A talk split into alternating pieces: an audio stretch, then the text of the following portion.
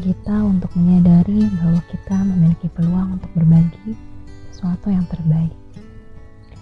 Sesuatu yang kita miliki karena apabila kita simpan pun tidak akan membawa manfaat. Dan juga karenanya mungkin setiap manusia bergerak tanpa mereka sadari.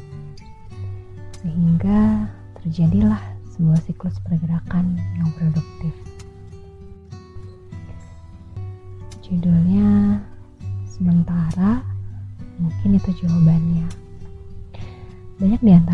mungkin berpikir bahwa ketika kita tahu kita sedang berada di peran yang sementara, hari ini ada dan mungkin besok sudah tidak ada, kita dihadapkan pada sebuah pilihan ingin menjadi orang yang mengupayakan sesuatu dengan baik atau justru jadi bekerja seadanya.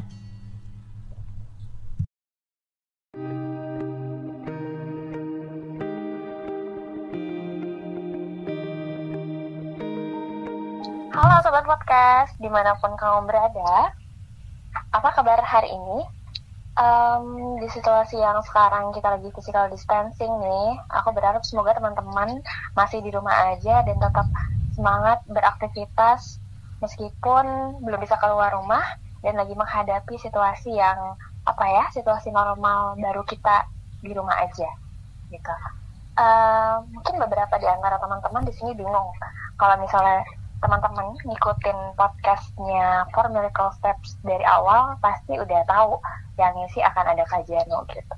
Kali ini akan ada aku yang nemenin kajian podcastan meski di rumah aja kita akan ngebahas tentang uh, salah satu tulisan Kak yang baru banget rilis 14 April lalu dan uh, buat aku menarik banget nih buat kita bahas dan kita tahu kenapa tulisan itu bisa rilis.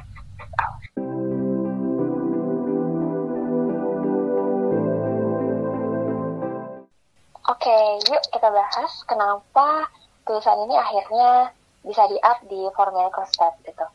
Uh, buat aku yang menarik adalah setelah awal setelah sih tapi dari awal uh, aku nerima tulisan ini saya nulis dan aku nerima tulisan ini jujur uh, ada apa ya mungkin ada emosi tertentu yang aku rasain ketika baca tulisan ini gitu dan dan mungkin juga pada kondisi saat ini di tengah-tengah situasi yang menantang, tulisan ini jadi salah satu tulisan yang paling relate buat aku pribadi gitu.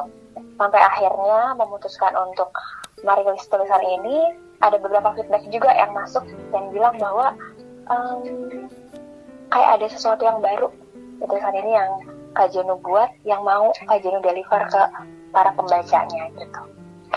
Kayaknya langsung aja sih kita tanya sama Kak Jenu sebagai penulisnya tentang apa sih sebenarnya motivasi dia ketika menuliskan ini dan sebenarnya ada pesan apa yang mau Kak Jenu sampaikan ke para pembacanya. Halo Kak Jenu, apa kabar? Halo Hani. Oh ya, sahabat podcast, uh, sebelum kita mulai nih pembahasannya, hmm. saya juga mau kenalin Hani nih ya. Jadi Hani oh, itu, iya. oh. dia itu di form record step itu yang kalau dia nggak approve maka tulisan nggak rilis. Nah dia itu adalah seorang chief editor. Kalau di bahasa Indonesia-nya tuh pamrat pimpinan redaksi.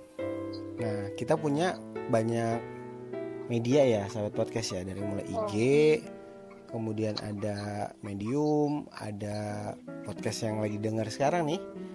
Kemudian ada quotes juga. akan ada YouTube juga sih. Ada YouTube channel. Nah itu semua butuh sebuah kelayakan untuk diangkat dalam bentuk dalam segala bentuk lah sahabat podcast intinya gitu. Nah itu ya perkenalan singkat dari saya memperkenalkan Kahani ini yang tiba-tiba muncul sekarang yang behind the scene dari forum records bisa seperti sekarang yang sahabat podcast dengerin atau baca.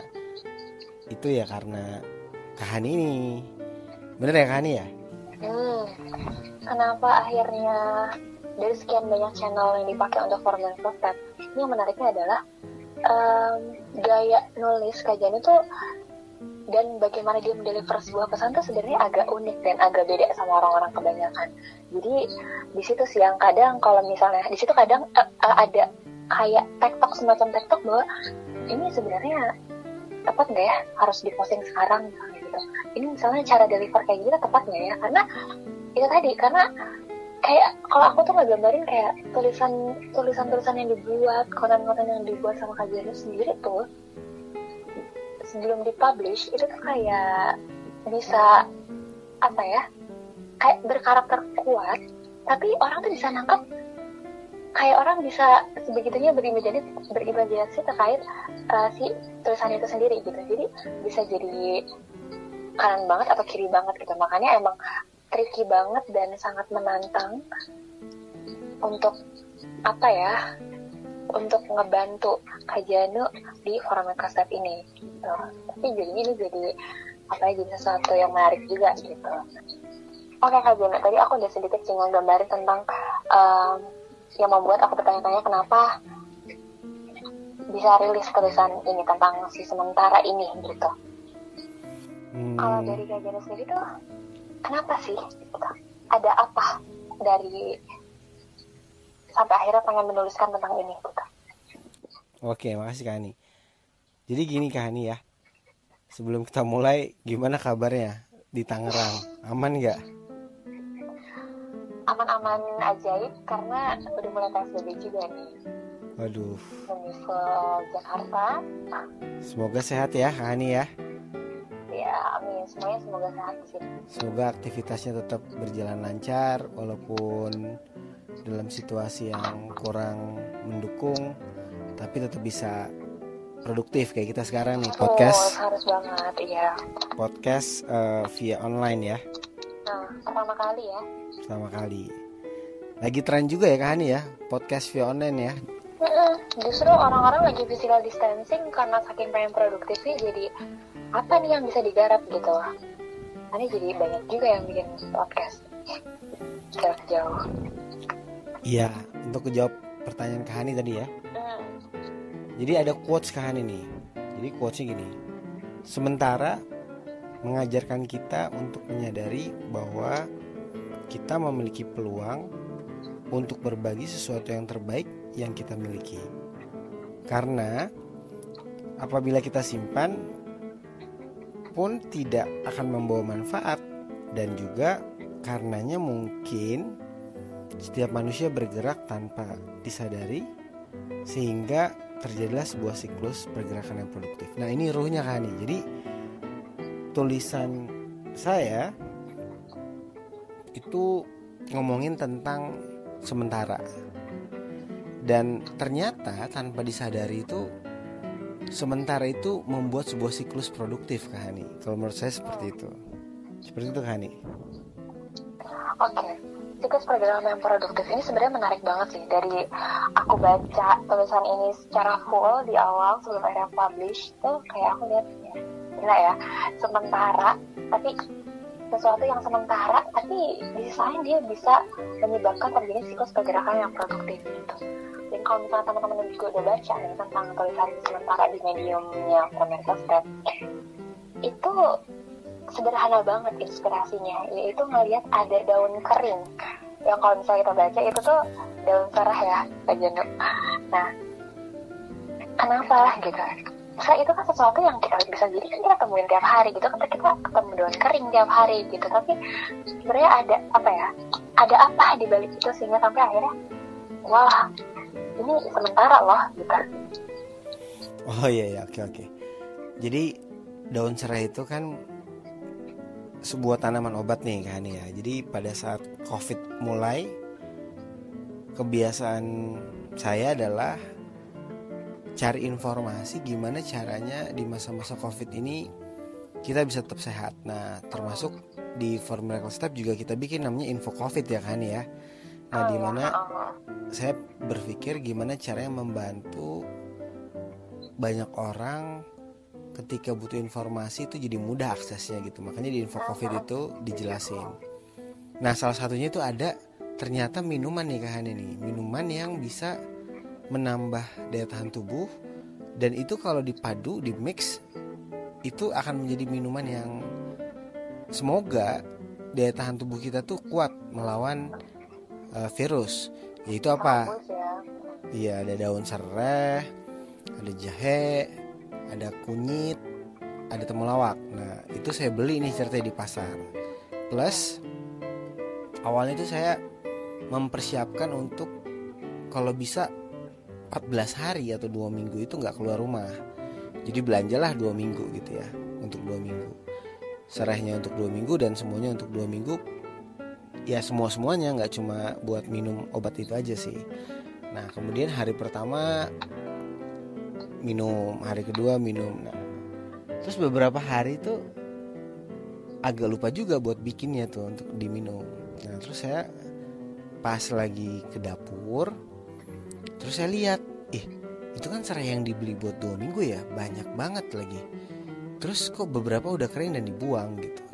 Terus saya langsung sedih tuh aduh sayang banget ya padahal tuh serai kalau dimanfaatin sama orang lain itu pasti berguna buat kesehatan gitu. Tapi ini ternyata tuh saya berpikir pas saat itu kayak oh berarti semua yang kita simpen tuh sifatnya sementara kan nih jadi apa pun lah saya pikir tuh pada saat itu karena sereh kasusnya pasar saya jadi mikir banyak gitu. Saya suka nanya sebenarnya kalau ada masalah tuh saya berpikir saya merenung saya tanya salah satu pertanyaannya adalah kenapa sih diciptakan segala sesuatu itu sementara gitu?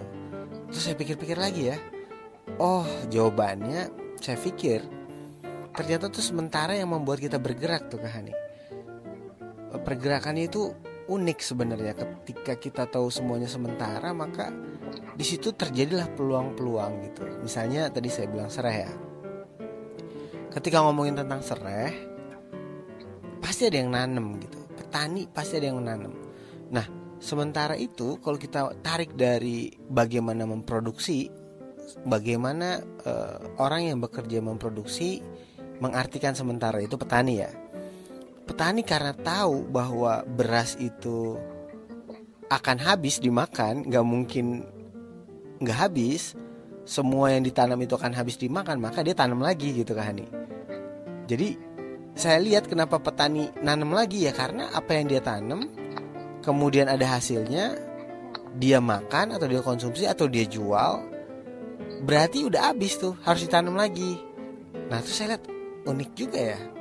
Ternyata tuh ketika ada sebuah hasil panen yang sifatnya sementara akhirnya petani itu terus aja nanam gitu. Yang kedua saya lihat juga petani karena tahu tanaman itu sementara dan itu tadi kayak saya bilang daun serai bisa kering, maka dia harus segera bergerak untuk menjual. Nah, kemudian kan di sini ada siklus ya. Petani jual ke kalau misalnya yang jahat ya ke tengkulak ya, tengkulak belinya murah gitu. Tapi kalau yang baik kalau misalnya negara ini misalnya mengakomodir, saya juga kurang tahu ya ada atau enggak. Cuma saya sering dengar bahwa petani itu jual ke tengkulak murah nanti tengkulak yang kaya petani tetap miskin gitu. Nah mudah-mudahan itu salah ya. Yang benar mudah-mudahan adalah petani jual dengan harga mahal kemudian dibeli sama pembeli. Kita sebut adalah bukan tengkulak ya ada pembeli gitu ya. Kemudian pembeli itu harus cepat mendistribusikan dengan strateginya karena itu akan akan busuk atau akan kering atau akan e, sementara sifatnya nggak bisa dimakan lagi gitu. Maka dia berpikir bergerak untuk bisa ngejual itu. Kemudian yang beli juga karena mau beli, maka dia harus kerja. Kemudian dia kerja, dia beli. Nah, dia makan gitu. Nah, yang kerja juga itu juga berpikir lagi. Karena semua pekerjaan itu sifatnya sementara, sekarang dia mampu cuma beli beras. Nah, besok keinginan dia sementara ini dia cuma bisa beli beras aja tuh kahani ya. Besok dia berpikir pengen beli beras dan lauknya sama telur gitu. Ah maka pendapatannya harus besar gitu. Maka karena dia tahu pendapatannya itu harus besar maka dia yakin pekerjaan dia itu sifatnya sementara dan pasti ada jenjang karir naik ke atas ada harapan di situ. Jadi sementara itu membawa sebuah harapan dan di akhirnya itu ada pergerakan produktif. Itu yang saya lihat sih Kahani jadi siklus pergerakan produktif itu terjadi karena sementara. Makanya itu yang mendasari saya saya berpikir oh sementara. Ternyata jawabannya sementara. Itu kira-kira gitu kan hmm, menarik banget gitu karena begini ketika aku baca tuh ya uh, dari judul ini sementara. Ini sebenarnya bisa kalau buat aku pribadi gitu ketika baca akan ada dua kemungkinan yang muncul ketika dengar kata sementara.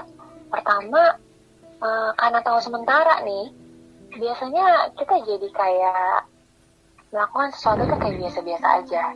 Biasa-biasa tuh dalam artian ya karena kita tahu ini nggak akan bertahan selamanya maka buat apa kita ngeluarin effort yang luar biasa? Kayak misalnya tadi kita terus kerja untuk ada pergerakan yang produktif itu gitu tapi di sini ngebahas tentang justru sementara itu gitu. Karena karena sifatnya yang sementara kita harus terus menerus melakukan sebuah pergerakan gitu.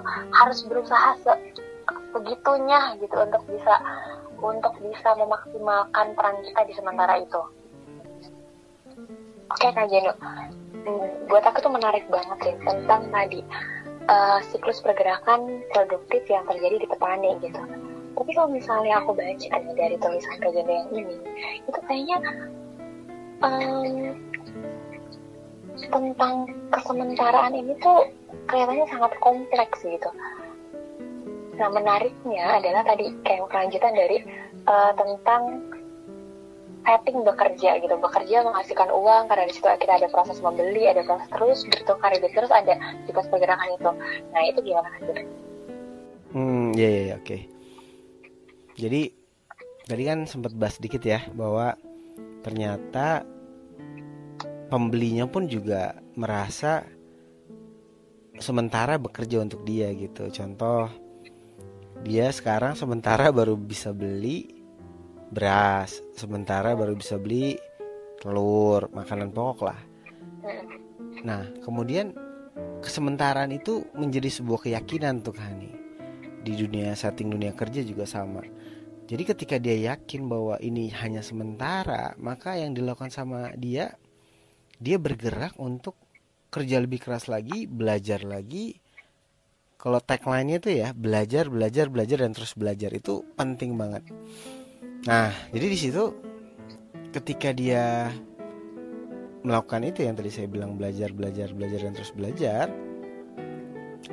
dia yakin bahwa semua kerja keras itu akan menghasilkan jenjang karir yang bagus gitu.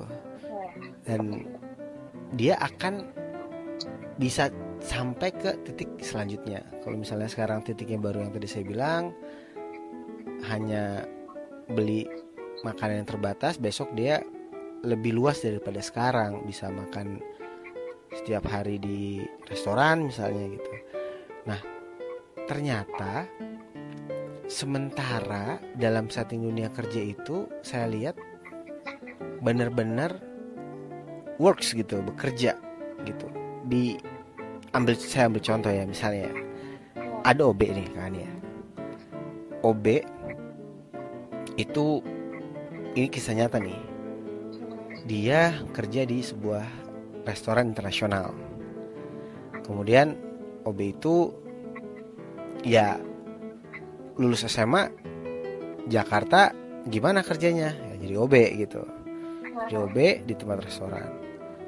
Terus pada saat dia jadi OB itu ada sesuatu yang mendorong dia gitu. Mendorong dia yang bisa membuat kekuatan dia untuk bergerak lebih besar kan nih pertanyaannya adalah ternyata perlakuan dari orang terhadap dia misalnya perlakuan itu kurang menyenangkan gitu. Misalnya uh, dilihatlah ciri khas dia atau sebuah kebiasaan yang nggak terbiasa dilihat di Jakarta gitu ya. Misalnya kita lihat orang norak lah kalau pakai topi di ruangan ber AC gitu terus dia dihina kenapa pakai topi di ruangan ber AC gitu. Pertanyaannya kan itu kan AC kan dingin pakai topi emang panas ya mas? Gitu kan. Nah ternyata hal yang kayak gitu tuh nyakitin loh Kak jadi kalau kita salah ngomong gitu itu cukup nyakitin. Atau enggak kita lagi ngepel terus tiba-tiba main injek-injek aja terus balik balik nggak mikirin dia capek ngepel gitu nah nah itu bekerja bahwa ini semua sementara dia mati-matian dia berjuang dia belajar. Kemudian mulailah sementara itu bekerja buat dia. Dari mulai OB belajar naik jadi asisten uh, chef gitu ya. Kemudian naik lagi jadi chef. Nah prosesnya itu semua ya karena sementara itu ternyata dia ada harapan bahwa kalau dia berjuang semua tuh bisa berubah gitu. Sampai dengan akhirnya dia punya restoran sendiri outletnya banyak banget omsetnya triliunan dan itu luar biasa. Itu dari cerita OB tentang sementara. Nah cerita bukan OB nih. Misalnya ada seorang staff. Staff begitu masuk pasti di pikiran dia adalah oke okay, saya terima jadi staff gaji sekian ya udah nggak apa-apa pahit-pahit dulu gitu ya. Kani pasti tahu ya kayak gitu ya pahit-pahit dulu jalanin. Karena di di gambaran dia tuh ini cuma sementara gitu. Orang tuanya pasti juga bilang e, kuat-kuatin aja karena semua itu cuma sementara. Nanti pasti ada jalan ada peluang ada harapan dan itu akan ngerubah hidup kita gitu. Nah dia dari staff kemudian 10 tahun mungkin ada di sana naik naik naik jabatan jadi direktur. Itu juga banyak kan jadi oh. sementara itu membuat kita tuh sebagai orang yang mulai dari bawah tuh punya harapan. Kita yakin banget bahwa kita pasti punya kesempatan untuk bisa menuju tempat yang kita mau. Yang kita anggap tempat itu lebih baik daripada posisi kita sekarang. Nah itu karena sementara. Dan itu juga waktu membantu sementara itu bekerja.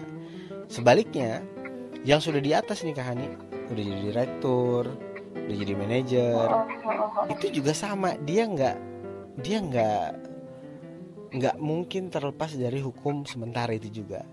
Ketika dia lengah, dia lupa, dia sombong, dia udah ngerasa puas, akhirnya yang terjadi ya sementara juga jadi dia jadi direktur dipecat karena targetnya tercapai manajer dipecat targetnya tercapai turun jabatan pindah dikeluarkan dari tempat kerja dari kantor. Nah itu kita harus tahu bahwa semua itu cuma sementara gitu kan hmm.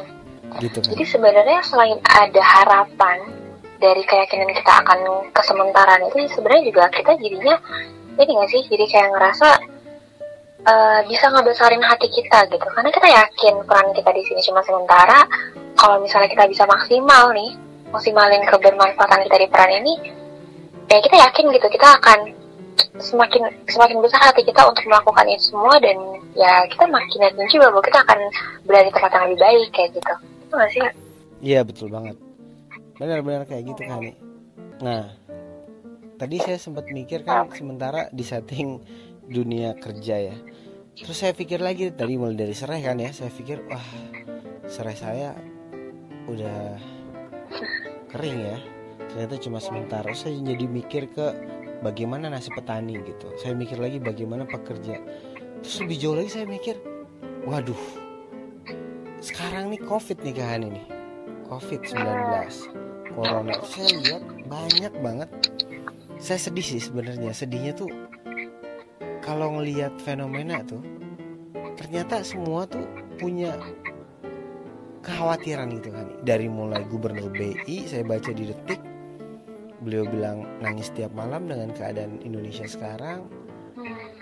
E, Menteri Keuangan bahkan kita juga bikin rekor bahwa ada hutang terpanjang sampai 50 tahun pembayarannya. Kemudian dari pekerja atau forum-forum SDM itu juga ngebahas tentang bagaimana ada orang masuk sekarang besok udah dipecat ada orang kerja lama dikeluarin ada orang uh, kerja di diberhentikan dulu nanti sampai situasi baik baru mau di hire lagi. Jadi banyak banget fenomena-fenomena kayak kita nggak sadar bahwa pada saat kemarin sebelum ada masalah ini kita tuh dengan yakinnya semua akan baik-baik aja gitu. Kita nggak nganggap bahwa semua yang kita lagi jalan itu cuma sementara gitu. Nah terus saya lihat juga miris dengan data yang ditulisan saya itu banyak banget uh, yang terdampak sama covid ini yang kemungkinan akan tutup atau gulung tikar atau bangkrut gitu. Dan di sini ternyata nggak cuma perusahaan aja kan nih ternyata negara pun juga terdampak gitu. Tadi saya bilang perusahaan ada yang kecil ada yang besar. Saya sampaikan anggap aja perusahaan kecil nggak kuat di masa covid ya wajar lah. Namanya juga perusahaan kecil. Uh, modalnya sedikit kemudian intinya going concernnya itu pasti kalah sama perusahaan besar gitu. Likuiditasnya juga pasti kalah. Nah perusahaan besar ternyata juga goyang loh nih perusahaan-perusahaan multinasional juga goyang.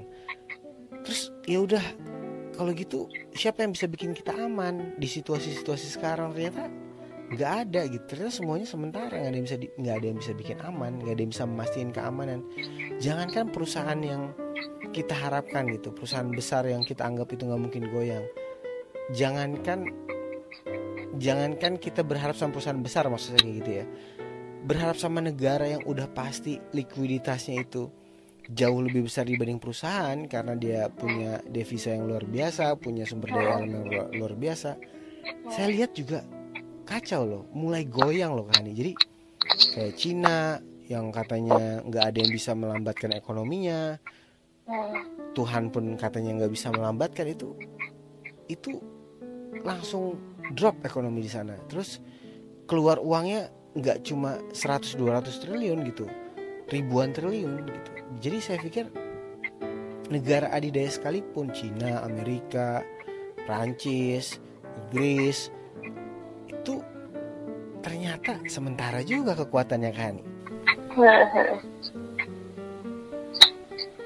Relate juga sih sama tulisan sebelumnya nggak sih jadi yang ngajelasin bahwa kayak gak butuh sesuatu yang besar untuk bisa melumpuhkan yang besar juga gitu. Tapi sekecil yang kita lihat gitu ya penyebaran virus ini aja bisa bisa sebegitunya berdampak ke hal-hal dari mulai yang kecil banget sampai yang sebesar negara gitu. Terus setuju banget gitu.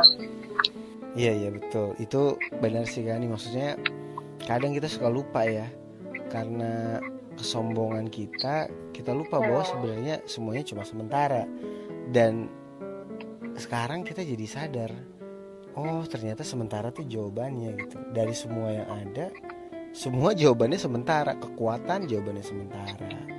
Kemudian pergerakan perputaran produktivitas ternyata karena sementara. Jadi ternyata sementara itu powerful banget kan? Gitu sih kalau saya lihat maka sementara tuh jangan sampai disia-siakan kan nih? Karena itu powerful untuk bisa kita ambil hikmah dari pelajaran uh, kehidupan tentang sementara itu sendiri. Hmm. Jadi sementara sebenarnya emang apa ya ngajarin kita banget ya untuk bagaimana kita mengambil peran gitu karena kita tahu ini sementara maka kita tuh memilih untuk ngambil peran uh, maksimal atau justru mal malah ngambil peran minimal gitu karena kita tahu ini sementara. Nah uh, menarik soal tadi gimana kita jangan menyanyiakan kesementaraan ini. Nah menurut kalian itu gimana sih? jadi kalau dari yang saya renungin tuh ya Hani ya jangan sia-sia sementara maksudnya gini sekarang kita sementara saya sementara juga kebetulan oh. punya jabatan gitu ya sementara saya punya jabatan hmm. nah karena saya tahu itu sementara maka apa yang bisa saya lakukan saya harus lakukan yang terbaik karena itu cuma sementara. Jadi pada saat itu jabatan udah nggak ada ya saya nggak nyesel karena udah dilakukan yang terbaik. Kemudian karena nanti pada akhirnya kan ya sementara itu akan hilang ternyata. Ternyata sementara itu juga sementara loh kan hmm, percaya nggak? oke okay. ternyata sementara ya. Jadi ternyata Gimana sementara adalah ya sementara juga. Jadi akhirnya gimana ya percaya nggak sih sementara tuh ujungnya juga sementara ternyata nggak ada dia? Karena sementara juga diciptain nggak sih? Jadi dia juga pasti sementara. Iya betul itu betul. Tapi Kak Hani uh, kebayang nggak kenapa saya bilang uh, sementara itu ya pada uh, akhirnya uh, sementara dan dia juga gak akan ada gitu? Uh,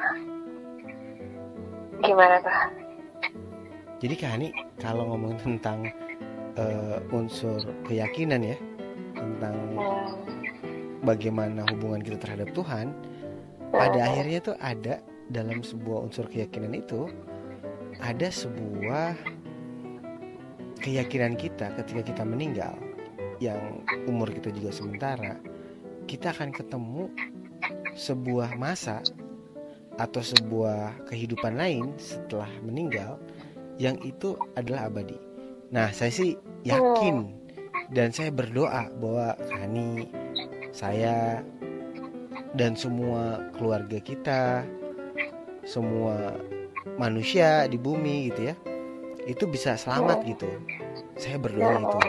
Karena kalau misalnya dia nggak selamat, dia masuk neraka, dia akan berdoa semoga ini sementara. Seperti lagi dia jadi jadi OB gitu ya. Semoga OB ini sementara naik jadi direktur gitu ya itu udah nggak bisa lagi karena sementara udah hilang.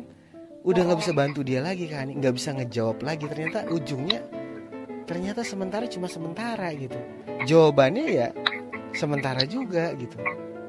Jadi menarik kata sementara ini kan dalam sebuah keabadian udah nggak ada yang sementara di surga kita nggak mungkin dong minta ya Allah saya semoga ini sementara saya di surga gitu. Nggak mungkin kan? Tapi kalau di neraka pada akhirnya kita akan berdoa semoga ini cuma sementara ini cuma mimpi semua akan berlalu. Eh dianya hilang. Gitu kan? Jadi tulisan saya tuh mencoba mengingatkan diri saya sendiri sih sebenarnya kayak oh ternyata luar biasa ya kesempatan yang diberikan sama kita oleh Tuhan kita untuk kita bisa pergunakan karena semuanya cuma sementara. Maka jangan disia-siain gitu. Jadi kalau bisa setiap waktu yang sementara itu kita gunain dan kita motivasi bahwa ini semua hanya sementara and do the best for others kalau menurut saya in in every moment gitu kan jadi lakukan terbaik untuk orang lain di setiap kesempatan yang kita bisa. Nah poin tulisan saya sebenarnya itu sih kan mengajak diri saya untuk sadar bahwa semua sementara maka lakukan yang terbaik itu. Hmm. Menarik banget tentang sementara ini, sementara yang ternyata sekompleks itu dan jadi sebenarnya kita lagi ngomongin tentang ya dengan kesementaraan ada kita mau ngambil peran yang kayak gimana gitu karena pada akhirnya kita mau maksimal juga sementara, kita mau meminimalkan usaha kita juga sementara, tapi ujung-ujungnya itu yang akan menentukan keabadian kita nanti, gitu. Itu nggak sih Kak Jarod? Iya betul Hani. Semoga kita di masa-masa yang sementara ini, semoga COVID masanya berlalu karena dia sementara dan cepat berlalu gitu. Terus kita juga semoga. menjalani COVID yang sementara ini kita diberi kesehatan dan kita harus sadar sehat itu juga sementara maka harus dijaga terus. Jadi semoga semuanya sehat gitu dan yang tadi Hani bilang tentang kita akan masuk ke keabadian semoga kita juga ingat itu sih Hani intinya.